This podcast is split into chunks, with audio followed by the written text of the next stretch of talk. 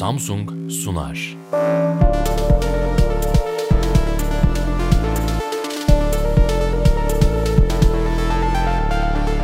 Dip gürültüsü. Sesin geldiği yere müzik dünyasından isimlerle kulak kabartıyoruz. Hazırlayan ve sunan Artemis Günebakanlı.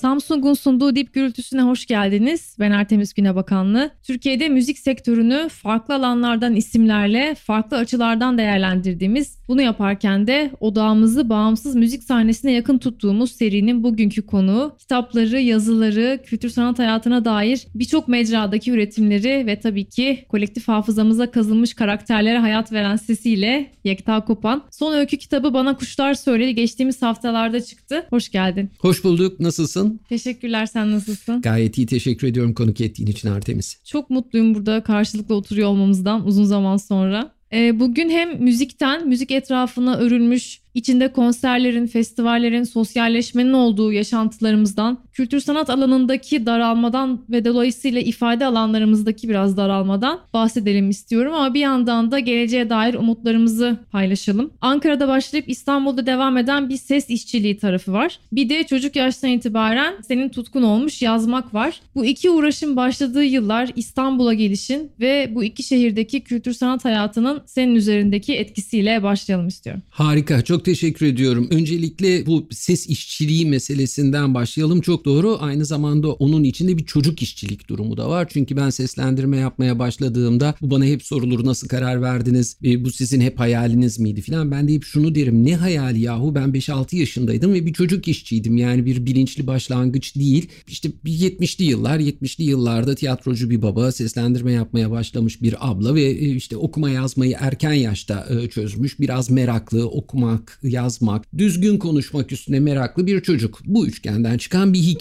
ve o yıllarda TRT Ankara Televizyonu ve Ankara Radyosu'nda başlayan sonra da zaman içinde ivme kazanan ses işçiliği yılları. Ses işçiliği çok hoşuma gidiyor. Ee, bunu kullandığın için teşekkür ediyorum bu tanımlamayı kullandığın için. Aynı dönemde yazmak da var. Ee, aslında benim için hepsinin temelinde seslendirme, yazmak ve yaptığım diğer bütün işler hepsinin temelinde okumak var. Ben çok erken yaşta 4-5 yaşlarında okuma yazmayı öğrendim. Ve öğrendikten sonra da hep çevremdeki büyüklerin dünyasına ait olan o gizi, o sırrı, gizemi çözmeye çalıştım. O sır ve gizem kitapların içindeydi. Yani onlar bir şey okuyor ve bir şeye dönüşüyorlardı. Bu benim gerçekten de çocuk yaşımdan hatırladığım, bugünkü hafızamla hatırladığım tek gözlemimdir. Ben de bu olmalıyım dedim. Okumakla ilgili süreçte böyle başladı ve bu daha sonra kendini yazmaya doğru da evrildi. Gelelim e, sorunun özüne çünkü o bugün konuşacağımız konuya da belki bir zemin oluşturacak. Ankara, Ankara yıllarındaki kültür sanat hayatı ve daha sonra benim İstanbul'a gelişim. İstanbul'a gelişim 90'lardır ve yaş olarak da artık 20-25 yaş bandındaydım İstanbul'a geldiğimde. Ankara yalnız bir şehirdir. Bunu çok kişi bilir. İstanbulluların Ankara'yı küçümserken kullandığı yahu orada deniz bile yok. Hani ne yapıyorsunuz sorusunun ya da hafif alayının güzel bir cevabı vardır benim zihnimde ve deniz bile olmadığı için biz hep birbirimizin gözüne bakar ve uzun uzun konuşurduk. Yani Ankara'da gerçekten uzun yürüyüşlerden, uzun konuşmalardan ve uzun zaman ayrılmış konsantrasyon alanlarından başka bir şey yoktur elinde. Yapacak bir şey yoktur o griliğin içinde.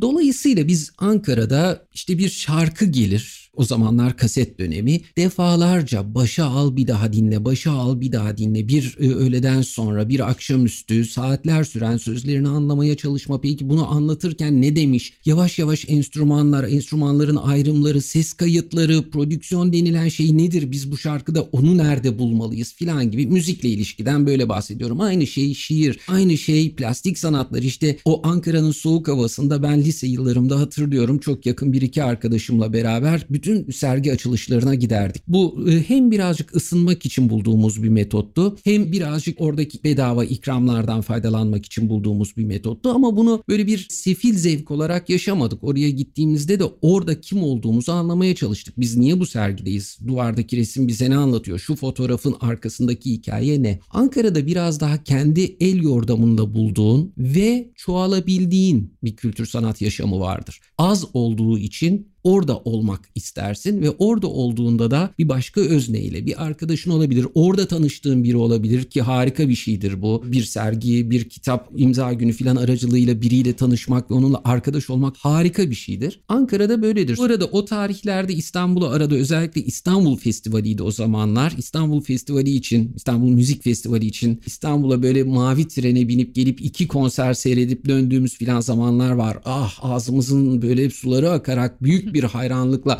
tanrım İstanbul'da şöyle de bir konser Miles Davis mi Bob Dylan mı falan filan diye yıl boyunca paralar biriktirilir mavi trenle gelinir falan filan. Sonra İstanbul'a geldiğimde tabii ki tabiri caizse sudan çıkmış balığa döndüm bu kadar çok, bu kadar fazla, bu kadar farklı etkinliğin, kültür sanat olayının olduğu bir yer tahayyül etmiyordum bu kadar olabileceğini. Yaptığım işler, özel merakım, işte yazmak, çizmek gibi konular kısa sürede bu ıı, dünyanın da içine kendimce girebilmemi sağladı.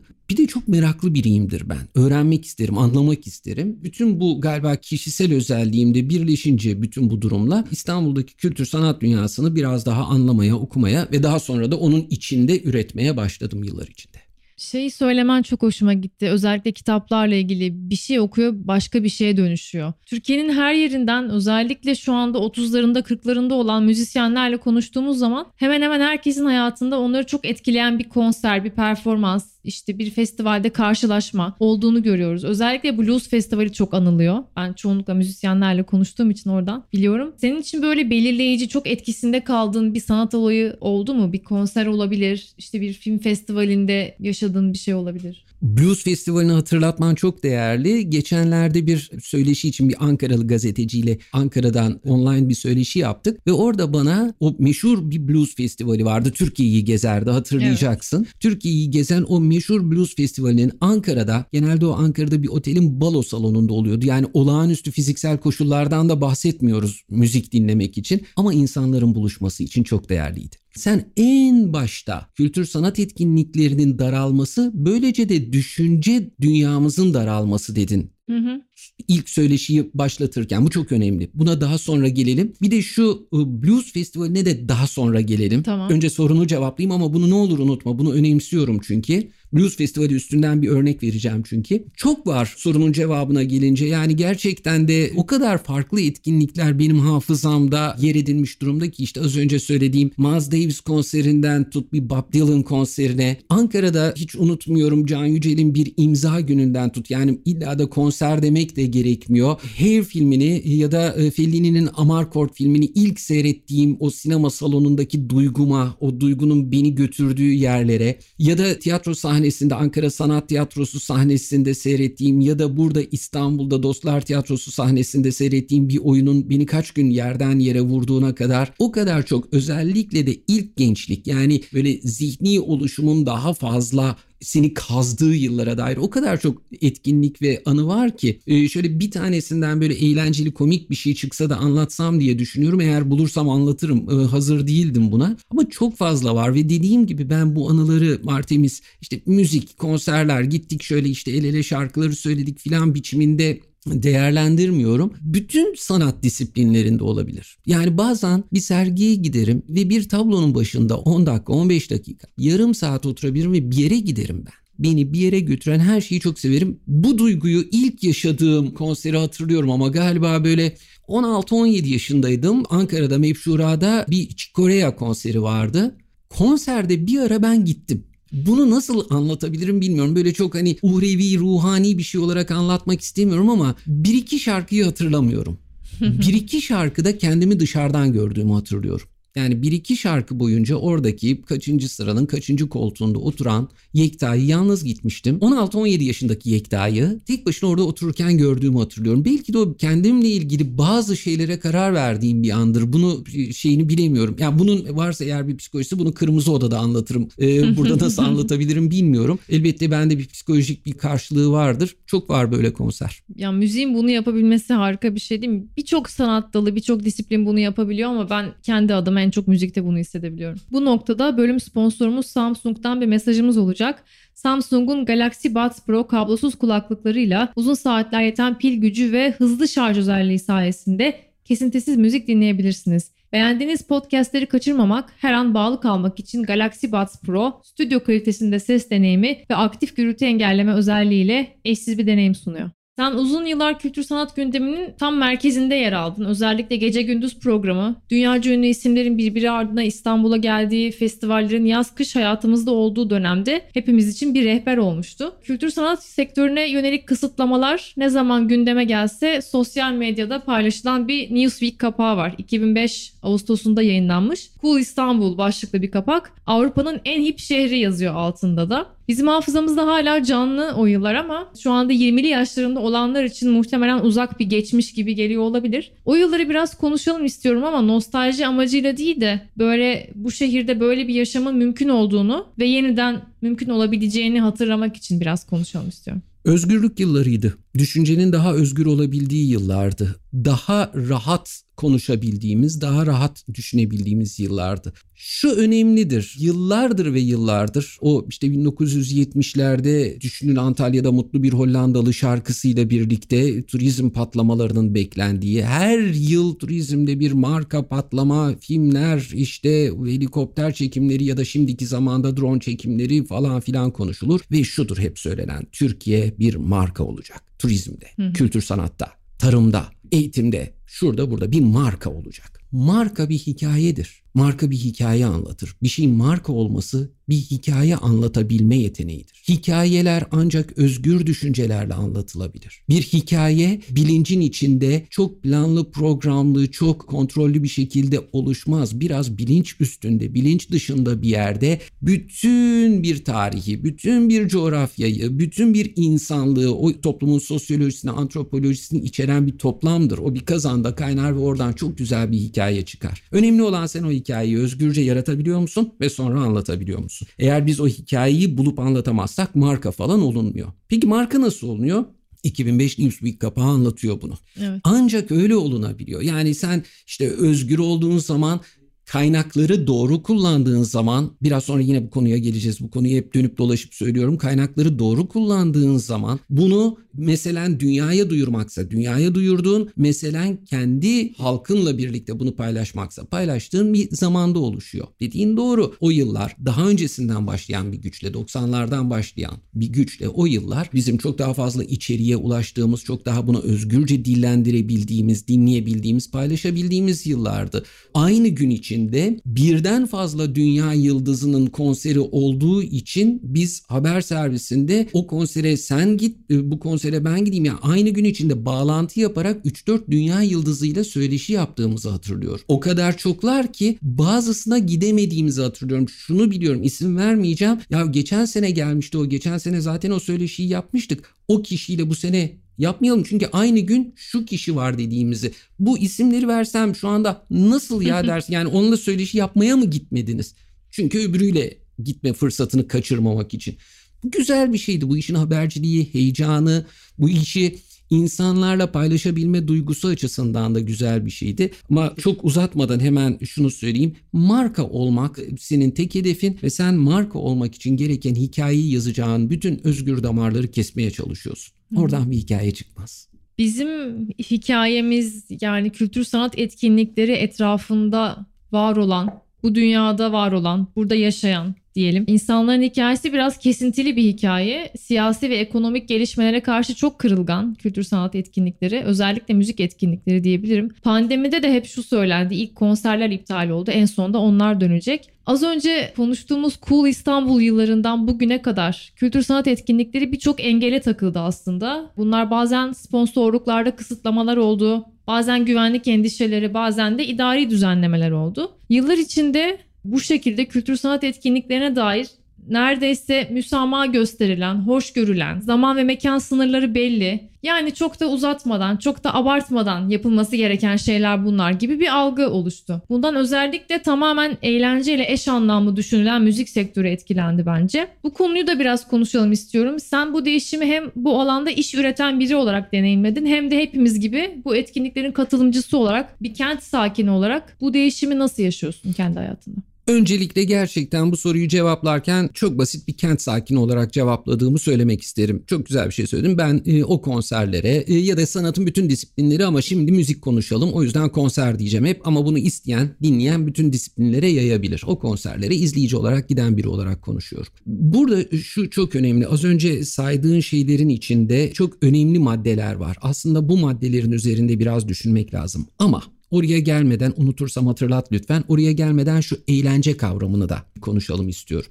Müziğin ya da herhangi bir sanatın kendisine yapılan saldırılar karşısında kendisini aklayabilmek ve anlatabilmek için hayır bu sadece eğlence değildir demek zorunda bırakılmasını gerçekten büyük bir üzüntüyle karşılıyorum. Gerçekten sadece eğlence olsa ne olur yahu? Doğru. Biz gerçekten müziği veya başka bir sanat etkinliğini eğlenmek için yapıyor olsak bunda ne sorun var? O özgür zihinler rahatça düşünebilecek, zihnindeki bütün tedirginliklerden, travmalardan, kaygılardan uzaklaşmış zihinler ancak o eğlenceyle oluşuyor. Dünyaya o eğlenceden daha büyük verilebilecek bir hediye yok. Şu çivisi çıkmış, her gün milyonlarca insanın sıkıntı çektiği, binlerce insanın öldüğü, öldürüldüğü dünyaya verilebilecek daha büyük bir hediye yok. Sadece eğlence olsa ne olur? Elbette hemen bir dipnot. Elbette sadece eğlence değil. Sanatın hiçbir disiplini ve müzik de. Elbette bundan çok daha fazlası, çok daha fazla duyguyu, çok daha fazla kavramı barındırıyor. Ama özellikle son 4-5 yıldır müziğin efendim biz sadece eğlence değiliz yapmayın bize bunu diye kendini savunmak zorunda bırakılışından büyük üzüntü duyuyorum. Bunu bir kenara koyalım. Hı hı. Gelelim sorudaki diğer başlıklara çok önemli şeyler söyledi. Pandemi döneminde denildi ki Artemis aman işte müzik işte tiyatro için de aynı şey söylendi. Çok hemen en kötü etkilenen darbeyi en önde ilk sert alanları oldu. Yahu pandemi ilan edildiği gün mü oldu bu? Müzik dünyasının örneğin yıllardır başında birçok kılıç sallanıyor. Bunların en önemlilerinden biri sponsorluk. Burada şimdi herhangi bir marka adı vermeyeceğim ama bizi dinleyenler şunları bilecektir çok büyük işte havaalanlarında düzenlenen rock festivalleri, bütün ülkeyi turlayan Türkçe pop festivalleri ya da blues festivali yine gezici bir festivaldi. Ülkenin doğusundan batısına farklı şehirlerine gidiyordu, gidebiliyordu. Açık hava tiyatrosunda yapılan kimi etkinlikler, festivaller, stadyum konserleri. Bütün bunları bu podcast'i dinleyen herkes bilecektir ki bütün bunları bilet parasıyla yapmak mümkün mü? Dünyanın hiçbir yerinde mümkün değil. Hı hı. Zaten sistem de böyle olmamalı. E peki nasıl yapılacak? Sponsorluklarla. Peki Türkiye'de son 10 yıldır filan bu sponsorluklara izin veriliyor mu? Verilmiyor. Neden verilmiyor? Bu sponsorlukları yapan firmaların sattığı ürünlerin özendirilmemesi gerektiği düşünülüyor çünkü. Anlaştık mı? Anlaştık. Peki kabul. Tamam bu ürünlerin özendirilmemesi gerektiğine sen karar verebilirsin. O zaman şunu söylemen lazım. Bunu merkezi yönetim olarak söyleyebilirsin, yerel yönetimler olarak söyleyebilirsin. Arkadaşım ben bu ıı, markalardan sponsorluk almanı istemiyorum ve gel seninle bir konuşalım. Sen ne kadar alıyordun sponsorluk ve bununla ne yapıyordun? Bana bir bunu anlat. Hmm, bu kadar değerli markalaşmış bir iş yapıyordun. Stadyum konseri ya da bir hava alanı alanında bir konser yapıyordun. Tamam. O zaman ben ya sana başka kaynaklar bulayım ya da ben merkezi yönetim olarak bu ülkenin insanların vergilerinden topladığım paralarla sana ben sponsor olayım. Aman bu markayı kaybetmeyelim. Aman biz o cool İstanbul tanımını kaybetmeyelim. Aman biz o kapaklardan inmeyelim. Bir de sadece marka değil. Aman biz şu eğlencemizi, mutluluğumuzu yitirmeyelim. Birlikte olalım. Bu müzikle ilgili şeylerde şunu da söyleyeyim. Son çok uzattım ama içimde kalmasın. Buldum ya fırsat. Bir böyle konuşuyorum. Bir de seninle konuşmak iyi geliyor. Yani müzikle ilgili şeylerde şunu da söyleyeyim. Bu sponsorlukların sadece belli tür ya da türlerde müziklere yapıldığı ve bunun da aslında bir çoğulculuk ıı, ilkesine çoğulculuk bakış açısına aykırı olduğunu söylüyorsan o zaman şunu da söyleyebilirsin. Ya bu çok güzel. Bir de şu türde bir müziğin de konserini yapalım. Hı hı. Bu yerel olabilir, çok daha deneysel olabilir. Bilmiyorum. Çoğalalım tabii ki. Her türde olsun. Yani aynı gün içinde aynı şehirde kaliteli güzel bir türkü festivali, bir tarafta işte bir e, ne bileyim elektronika festivali, e, öbür tarafta klasik müzik festivalinin aynı günde olduğunu düşünsene. Şehirde ya da ülkede. Hı hı. Bunlar yine senin soruyu bana sorarken yönelttiğin doğru, belirlenmiş, tanımlanmış regülasyonlarla yönetilebilirdi. Hı hı. Yönetilmedi. Evet. Yönetilemedi değil, yönetilmedi diyerek ucunu açık bırakayım bunun da. Evet orada bir tercih var. Bunu podcast'te daha önce konuk olan Nilipek de bu şekilde ifade etmişti aslında. Birçok şey yapılabilirdi, yapılamaz değildi. Ama yapılmadı, tercih edilmedi. Nilipek'le aynı fikirde olmuş olmaktan dolayı gurur duyuyorum. Çok severim kendisi. Podcast'ten e, ona selam söylemiş oluyorum. Bunu da ilk kez yapıyorum. Podcast'te birine selam söylemek. Müzikle çok sıkı bir ilişkin olduğunu biliyorum. Gitar da çalıyorsun ama bunu sahneye taşıdın mı? Hemen o, o kısmını söyleyeyim. Onu tam Ee, bilmiyorum. Yani sonuçta ben işte her gitara meraklı insanın üç akor öğrenmesiyle başlayan gitar yolculuğunun çok net bir örneğiyim. Yani gitar çalıyorum demiyorum o yüzden hiçbir yerde. Amatör bir gitar meraklısıyım demek bana çok daha sağlıklı geliyor. Ama 1989, 90, 91 filan o yıllarda Ankara'da işte bar müziği yapıyordum. Ve güzeldi hafta sonları hatta önce galiba perşembe günü başlamıştık. Sonra beğenilince grubun performansı perşembe cumaya sonra da perşembe cuma cumartesiye çıkmıştık. iyi. Dikkatini çekerim hafta sonunu iyi. almışız. Ondan sonra 3 gece iyidir yani. iyi de para kazanıyorduk. Ciddi bir mesai. Tabii tabii güzeldi. Dolayısıyla hani amatör olmadığım yıllar var. Çok da güzel bir e, kadromuz vardı. Raining Cats and Dogs e, grubumuzun adı Raining Cats and Dogs'tu. Tabii ki e, cover çalıyorduk ama o zaman için biraz daha böyle genelde hep rock, blues falan çalınan ortamlarda biz biraz daha böyle The Cure, Talking Heads, R.E.M. falan biraz daha o dönem 90'lardan bahsediyorum. O dönemlerde sahnede bunlardan cover çalmak biraz daha yeni bir düşünceydi belki. Şimdi değil tabii. Şimdi dinleyenlere komik bile geliyor olabilir. Ama ondan sonra e, yok öyle bir sürekliliğim olmadı. Son e, galiba bir e, sahneye o da bir sadece hoşluk olsun diye Tolga Akyıldız'ın işte biliyorsun onun bir etkinlik serisi var. O etkinlik serisinde bir iki şarkı çalmak için çıktım. O kadar. Gitar meraklısıyım diyelim. Tamam neleri dinleyerek nasıl başladı o taraftaki ilgi nasıl devam etti onu merak ediyorum aslında. Mesela evde çok müzik dinlenir miydi? Çocukken dinlediklerini hatırlıyor musun? Tabii tabii hatırlıyorum. Şimdi evde çok müzik dinlenirdi ve farklı müzikler dinlenirdi. Yani gerçekten babam mesela e, iyi bir e, türkü dinleyicisiydi. Annem biraz daha e, hem Türk sanat müziği hem de o dönemin popüler Türk sanat müziği veya popüler e, Türkçe sözlü şarkılarını dinlerdi. Babamın e, sahne hayatından dolayı özellikle o dönemin bazı isimleri yani ne bileyim Neşe Karaböcek de arkadaşıydı, Tanju Okan da arkadaşıydı. Yani sadece dinlemekle kalmazdık. Bu insanların eve geldiği gittiği filan bir zamandan bahsediyorum. Şimdi bir damarım buradan oluşuyor. Türküleri çok severim. Bir damar oradan oluşuyor. Ablam biraz daha rock dinlerdi filan tabii ki benim de özellikle ablaya öykünür ya çocuklar. Bir yaş e, şey aramızda 7 yaş var. Kendisine yakın yaşta olana öykünür. Onu biraz takip etmeye çalışırdım ama ablamın bir yandan başka bir arkadaş çevresi, e, biraz daha zamanın e, siyasi ortamından arkadaş çevresi, yeni türkü kadrosu, çağdaş türkü kadrosu onun arkadaş çevresindeydi ve bir geliyorsunuz evde işte onlar yeni türkünün, çağdaş türkünün falan şarkıları evde çalınıyor. Hatta bir kısmı daha albüm olmamış yani orada deneniyor falan. Çok müzikli bir ortamda büyüdüm. İlk Beatles'ı hatırlıyorum. İlk ablamın bana çektiği bir kasette Beatles vardı. Yani kasetten kasete çekilmiş çok kötü kayıttı. Fakat böyle o Love Me Do'yu ilk A1 Love Me Do'ydu. Onu hiç unutmuyorum. Yani ilk hatırladığım bu. Tabii ki daha bir sürü şarkı var çok şapkam uçmuştu yani. A, çok iyi müzik ya. Çok iyi müzik demiştim. Yani demiş bu- bunu diyorum düşün herhalde 6-7 yaşındaydım. Ama evde sürekli böyle air gitar ya da e, süpürge sopasıyla gitar çalıp söylediğimi çok net hatırlıyorum. Sonrasında biraz da arkadaş çevresi de çok önemlidir ya. Sonrasında ben ortaokuldan itibaren e, çok yakın bir iki arkadaşımla beraber iyi müzik dinleyicisi olmaya başladım. En başta Ankara'da böyledir dedim ya. Yani işte böyle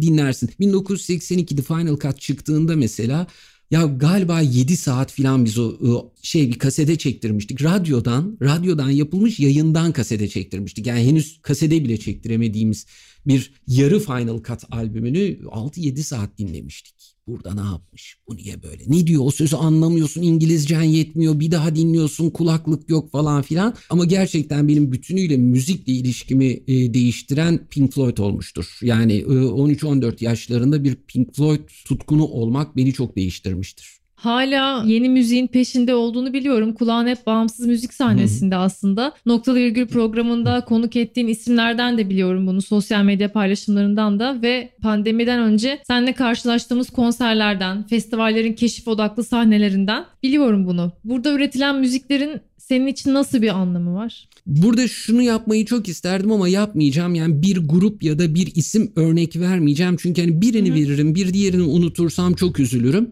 Ama şunu söyleyebilirim. Şimdi bir coğrafya ne kadar e, farklı, ne kadar birbirinden farklı kaynaklardan besleniyorsa, ne kadar değişik hikayelerden besleniyorsa o kadar farklı şeyler anlatabilir. Ben Türkiye'de edebiyatın da, tiyatronun da, sinemanın da ve bugün için müziği konuşuyoruz. Müziğin de bu kaynakları iyi bulduğunu, iyi deştiğini, iyi madencilik yaptığını ve buralardan çok pırıl pırıl, pırıl pırıl madenler bulup çıkardığını düşünüyorum. Zaman zaman isim isim. Bu hep olmak zorunda değil. Bazen bu 2-3 yılda öyle bir isim gelir ki o yeterlidir. Yani burada on binlerce isim olması da gerekmiyor. Fakat burada şu biraz önce anlattığımız konuya dönüyoruz Artemis. Yani sen hikayeyi buldun çıkardın ama bunu ne kadar özgür ne kadar özgürlükçü bir ortamda anlatıyorsun. Bunu ıı, anlatırken ne kadar destek görüyorsun. Bunu anlatıp herkese sesini duyurmana ne kadar destek oluyor? Bu desteği hemen şöyle söyleyeyim. Bu sadece işte regülasyonlarla ya da sermayeyle oluşmuş destek değil. İzleyici cephesinde de ne kadar destek görüyorsun? İzleyici ne kadar konsantre bir izleyici? İzleyici tüketmeye mi alıştırılmış? İzleyici seni de o tüketim ağının içinde görmeye mi alıştırılmış yoksa izleyici şunu diyor mu? Ya bu başka bir şey. Burada bir sanat ilişkisi kuruyorum. Ben burada kendim çoğalmaya çalışayım diyor mu? Dolayısıyla şunu unutmayalım. İzleyici cephesinden de bazen konuşmalıyız bu konuları. Yani burada çok karanlık bir dünya var. Sermayesi, yasaları, şunları bunları çok kötü davranıyor müziğe ya da başka bir sanata. Ama burada okur, dinleyici onlar olağanüstü. Onların katkıları olağanüstü değil. Bu tarafta da varsa bir hata konuşmalıyız. Bugünün müziğini ve bir süredir üretilen müziği evet kimi zaman sıkıştığı anlar oluyor. Yeni bir şey anlatmıyor. Sıkışmayı da böyle tarif edeyim. Yani muğlak konuşmayayım. Yeni bir şey anlatması lazım bana. Müzikal seçimleriyle, sözlü bir müzikse söz dizimiyle,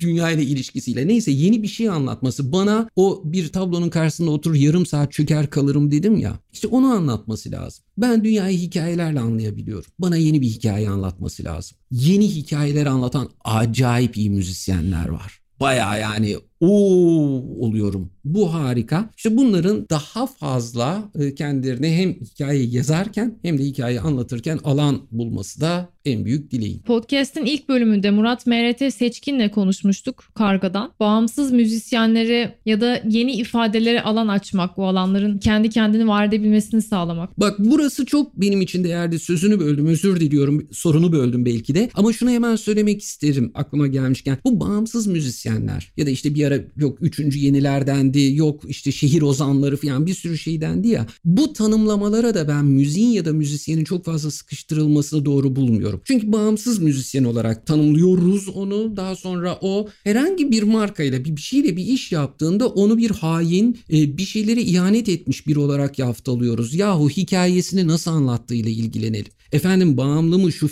e, şirketle mi çalışıyor bağımsız mı bu mu ozan mı şehirde mi e, odada mı verdi yatak odası prodüktörü mü yani bütün bunlar tamam bunlar çok hoştur ve çekmecelerdir. Bu çekmecelere koy ben de yaparım bunu yani bir yazı yazarken ben de bağımsız müzisyenliği veririm. Ama yapmamakta fayda var. Ya bütün bunların dışında ne olur şuna odaklanalım. Hangi sanat e, dalı olursa olsun. Ya bu müzisyen hikayesini nasıl anlatıyor? Hikayesi değişiyor mu? A odasında çalarken çok iyiydi de hikayesi B markasıyla çalışırken değiştiyse tamam. Bununla yüzleş. Ama değişmediyse sen niye? Hayır sen bağımsızsın çalışamazsın hiç kimseyle falan filan. Bu sadece para da değil bak. Bunu işte bak şimdi para kazandı araba aldı artık o aynı insan değil falan. Bu değil benim demek istediğim. Bazen bir markayla ya da bir şeyle çalışmak sesini daha çok duyurabilmek için gereklidir. Ayrıca bazen farklı bir şey isteyebilir müzisyen. Farklı bir çalışma ortamı isteyebilir. Farklı insanlarla birlikte üretmek isteyebilir. Yenilenmek isteyebilir ve bunun da yolu buysa bunu denemek isteyebilir. Araya girdim çok affedersin bu tanımlamalara da bazen çok üzülüyorum da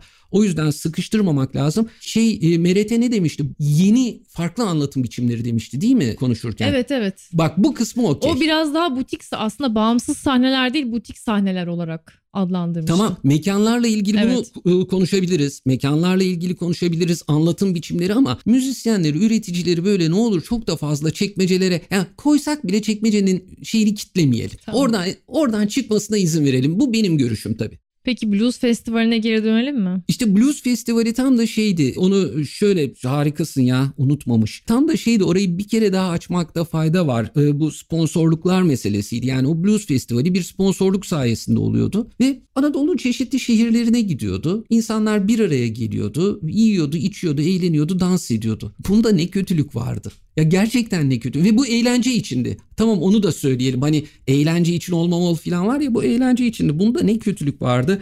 Gerçekten ve gerçekten kaynakların yani müziğin oluşmasını, konserlerin e, oluşmasını sağlayacak kaynakların oluşturulması, yönetilmesi, bulunması, bununla ilgili bir takım düzenlemelerde müzisyenin ve bu işi yapacak olan yapımcının ya da konser düzenleyicinin önünün açılmasının, buradaki güvenlik koşullarını sağlamak dışında herhangi bir baskıcı çerçeve oluşturulmamasının değerini yıllar içinde daha iyi anlıyoruz. Bu iş böyle olur.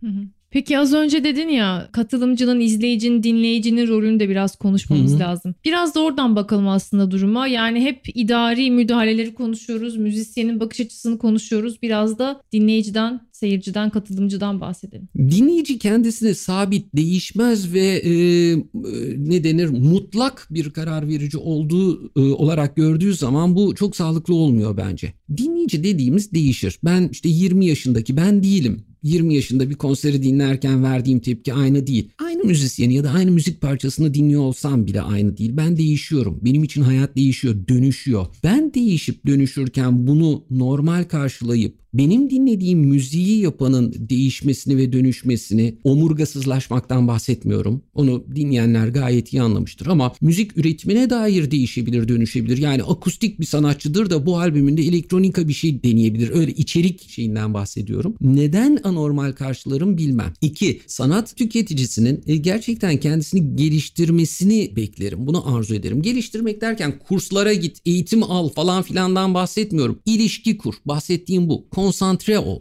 Sanatın herhangi bir alanını hayatının fon müziği değil, hayatının merkezi yap. E, sanatın herhangi bir alanını defterinin kenar süsü değil, defterinin kendisi yap. Biraz yoğunlaş. Bu çok iddialı bir şeymiş gibi geliyor insanlara. Değil, Sanatı hayatının merkezine koymak. Sanki böyle hani biraz çok lüks bir şeymiş gibi algılanmaya başladı ya hani. Lüks, elitist. Evet. Ondan sonra bu e, hiç hoş bir şey değil. Ne ben hayatımın merkezi ben eve ekmek götüremiyorum Hı-hı. kardeşim falan evet, filan. Evet. Bunu çok iyi anlıyorum. O müzisyen de eve ekmek götüremiyor. O da yani kolay bir hayat değil. Sadece şunu diyorum. Aman işte böyle bir şey değilim ben. Kültür sanat fetişisti falan değilim yani. Başka bir şey olmamalı hayatta. Merkezde bu olmalı falan filan diye bir şey yok. Hayatta çok daha önemli şeyler var. Ama o hayattaki önemli şeyleri anlamamızı sağlayan şeylerden biri sanat. Bugün dünyadaki gelir adaletsizliğini, hukuk adaletsizliğini, ekolojik, ekonomik dengesizlikleri, iklim krizini, mülteci sorununu, dünya üstündeki göç sorununu bütün bunları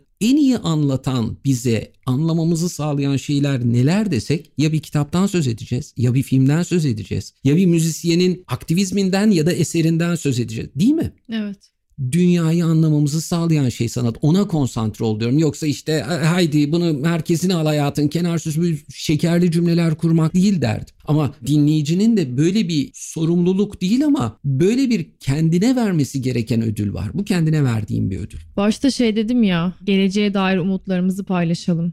Çünkü biraz şey gibi Çok hissediyoruz. Çok mu karamsarlaştım? Çok karamsarlaşmadık bence hayır ama biraz şey gibi hissediyoruz ya. Yaşadığımız süreç de bizi birazcık buraya getirdi. Kaybettiğimiz şeylerden bahsediyoruz. Kaybettiğimiz festivaller, daralan alanlar. Ama bir yandan da alttan gelen bir hareket de var. Alan bir yandan daraltılırken bir yandan da o duvarları giderek çatlatan, genişleten bir hareket de var. Biraz ondan da konuşalım ve buradan geleceğe doğru nasıl toparlanabiliriz? Bütün kültür sanat sektörü olarak. Hemen son bölümü söyleyeyim. Nasıl toparlanabilirizin cevabını böyle bir podcast süresi içinde verebilecek düzeyde olsaydım zaten hiç yani ben dünyanın bir yerlerinde yaşıyor olurdum. Oraya ben bir cevap veremem. Haddim de değil. Ama biraz önce bir tanımlama, o çok önemli bir tanımlama geldi senden. Bir duvarlar var. Bu duvarlar giderek daralıyor. Simgesel olarak da çok güzel ve alttan gelen, üstten, yandan gelen sesler, sözler, renkler bütün bunlar o duvarı çatlatıyor. Çatlar duvarlar ya. Çat çatlar. Duvarlar çatlar yıkılır, duvarlar çatlar yıkılır. Siz özgür düşünceye bir duvarla sınırlar içine almak isterseniz, özgür koşan atları bir çitin içine sokmak isterseniz at o çitin üstünden atlar. Dünya tarihinin en sefil zamanlarında, en sefil toplumlarında nerede olursa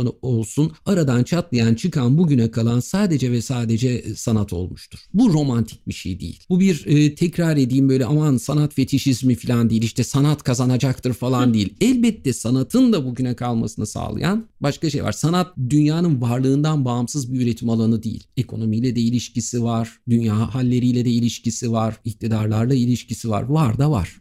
Ama günün sonunda gerçekten ve gerçekten dönüp dolaşıp baktığımızda sanat hem bu biraz önce söyledim ya şunu şunu şunu anlamamızı sağlıyor. Hem bu görevini çok kararlı bir şekilde sürdürmeye devam ediyor bugün de hem de bugünden yarına da duvar yıkmaya devam ediyor. Kimi zaman omuzlayarak, kimi zaman elleriyle, kimi zaman başka bir şekilde. Burada hiçbir şüphem yok. Burada hiçbir umutsuzluğum da yok. O kadar iyi işler çıkacak ki önümüzdeki 5 sene içinde. Bazısına gerçekten vay diyeceğiz yani. Beraber yine buluşacağız belki. Vay vay diyeceğiz beraberce. Bundan hiç şüphem yok. Bugün Türkiye'de tiyatronun yaptığı, yapmaya devam ettiği şey değerlidir, önemlidir ve yarına bir kancadır. Bugün müzikte hiç bilmediğim bazen böyle şeyler oluyor Artemis. Yani sana benden çok daha fazla oluyordur. Sen de dinliyorum bazen. Hakan Tamar'da dinliyorum. Çok yeni e, çalışmaları dinliyorum. Bazısını anlamıyorum bile. Onu da söyleyeyim. Bazısına ben ulaşamıyorum henüz. Ulaşmaya çalışıyorum. Zihnim ulaşmıyor. Ama o kadar değerli işler çıkıyor ki. Bazısı deney, bazısı kalıcı değil, bazısı olmayacak belki. Ama bugün çatır çatır yaşıyor onlar. Yani duvar yıkıcılar. Duvar yıkıcılar diye acaba bir program bir şey mi yapsak Bence ya? Bence güzel olur. Yarına bir kanca atmak da çok hoşuma gitti. Tamam sen onu kullan ben de duvar yıkıcıları kullanayım. Duvar yıkıcılar çalışmaya devam edecektir. Duvarların yıkılması zaten bir anlamda mecburi yani insanlığın ilerlemesi için. Mecburen yıkılacak. Bravo. O kadar doğru bir şey söyledin ki yani benim biraz önce bir sürü süslü sözle anlatmaya çalıştığımı çok net bir şekilde tek kelimeyle ifade ettin. Mecburen. İşte hep verilen örnekle yani Picasso'nun Guernica tablosu o duvarları yıkmıştır. O tablonun yapıldığı zamana kadar dünya bir türlü anlatamadığı bir faciayı, bir soykırımı, bir katliamı belki bir tabloyla anlatmıştır. Ve o, o tablo hala tabloya bakanların zihnindeki duvarları yıkmaya devam ediyor. Sanatın bir de böyle bir özelliği var hala yıkmaya devam ediyor. Brecht'in bir oyunu 1939'da yazdığı bir oyun, 1945'te yazdığı bir oyun bugün hala o duvarları yıkmaya devam ediyor. 100 yıl sonra da devam edecek. Shakespeare hala duvarları yıkmaya devam ediyor. Ya da müzikten kim, ne örnekler bulabiliriz? Ne örnekler bulabiliriz? Hala o duvarları yıkmaya devam ediyor. İşte 1979 The Wall hala o duvarları yıkmaya devam ediyor. Bu duvar yıkıcılardan dolayı hiç şüphem yok. Umutsuzluğum hiç yok. Ama sorunun ikinci kısmı önemliydi. Sorunun benim cevaplayamadığım kısmı. Peki nasıl olacak? Tamam burada harika bir üretim var da nasıl olacak? Ya bunun için işte böyle sohbetlerle, böyle oluşumlarla, bir araya gelmelerle ve e, bunu e, işte e, artık ne kadar ömrüm kaldı bilmiyorum ama gitmeden çok istediğim bir şey. Bu disiplinler arası ilişkilerin güçlenmesiyle ve birazcık yoğunlaşmış diyalogla halledebiliriz diye düşünüyorum. Burada da şeyim şu diyalog kurmanın ilk şartını e, bütün sanat disiplinleri uygulayabilmeli. Benim için diyalog dinlemekle başlıyor. Bütün sanat disiplinlerinin birbirini dinlemesini çok önemli buluyorum. Bugün Türkiye için belki haddim olmayarak yapacağım bir eleştiri sanat disiplinlerinin birbirini az dinlediği yönünde edebiyatın sinemaya, sinemanın müziğe, müziğin baleye ilgisinin daha fazla olması, daha fazla diyalog kurulması gerekiyor. Bu e, sanat disiplinlerini ya da kültür disiplinlerini çoğaltabiliriz. Kültür ve sanat üreticileri yani duvar yıkıcılar birbirleriyle daha çok diyalog kurar. Disiplinler arası ilişki temellerini daha fazla sağlamlaştırırsa, senin sevdiğin kısma geliyoruz, yarına daha sağlam kancalar atacağız. Çok teşekkür ederim. Benim bunun üstüne söyleyecek hiçbir şeyim yok gerçekten. Ee, her konuğuma sorduğum şöyle bir soru var. Dinleyiciler bu bölümü dinledikten sonra, bu bölümü bitirdikten sonra hemen açıp hangi şarkıyı dinlemeliler sence? Aa çok enteresan. Hemen açıp e, I Am Losing My Religion. Şu anda ilk aklıma o geldi. Oh, süper. Ee, Çalıyor muydunuz Losing My Çalıyorduk. Bir- zaten aklıma da oradan geldi. Biraz önce sen çünkü grubu bana hatırlattığında grubun playlisti aklıma geldi ve e, çok da severek ça- çalıyordum ben de. Hemen aklıma o geldi. Bir de severim. Ee, yine o da kendi dönemi için, kendi zamanı için aslında biraz duvar yıkıcı bir şarkıdır. Evet. Çünkü böyle AB AB bir şarkıdır. Ee, ondan sonra yani kendi içinde daha e, basit e, bir şarkıdır ama Single olarak bile çıkmayı düşünmedikleri bir şarkı, bir şarkıdır. değil mi? Plak Evet. şirketinin. E, çok da böyle severek değil yani hani bu da olsun dedikleri bir şarkıdır. Bildiğim kadarıyla hikayesini sen daha iyi bilirsin ama gerçekten hani e, duvar yıkıcı ve bak bugün hala dinliyoruz. Ve hala biz şimdi bu e, podcast bitecek. Dinleyen herkes o şarkıyı dinlediğinde farklı bir hikaye hatırlayacak. Kendi hayatına dair. O hikayeleri çoğaltmak ve birbirimizin hikayelerine kulak kabartmak zorundayız. Yekta Kupan seni Dip Gürültüsü'nde ağırlamak çok güzeldi, çok değerliydi. Çok teşekkür ederim geldiğin için. Nefis bir sohbet oldu. Ben çok mutluyum şu anda. Ben de çok teşekkür ederim. Görüşmek üzere. Samsung sundu.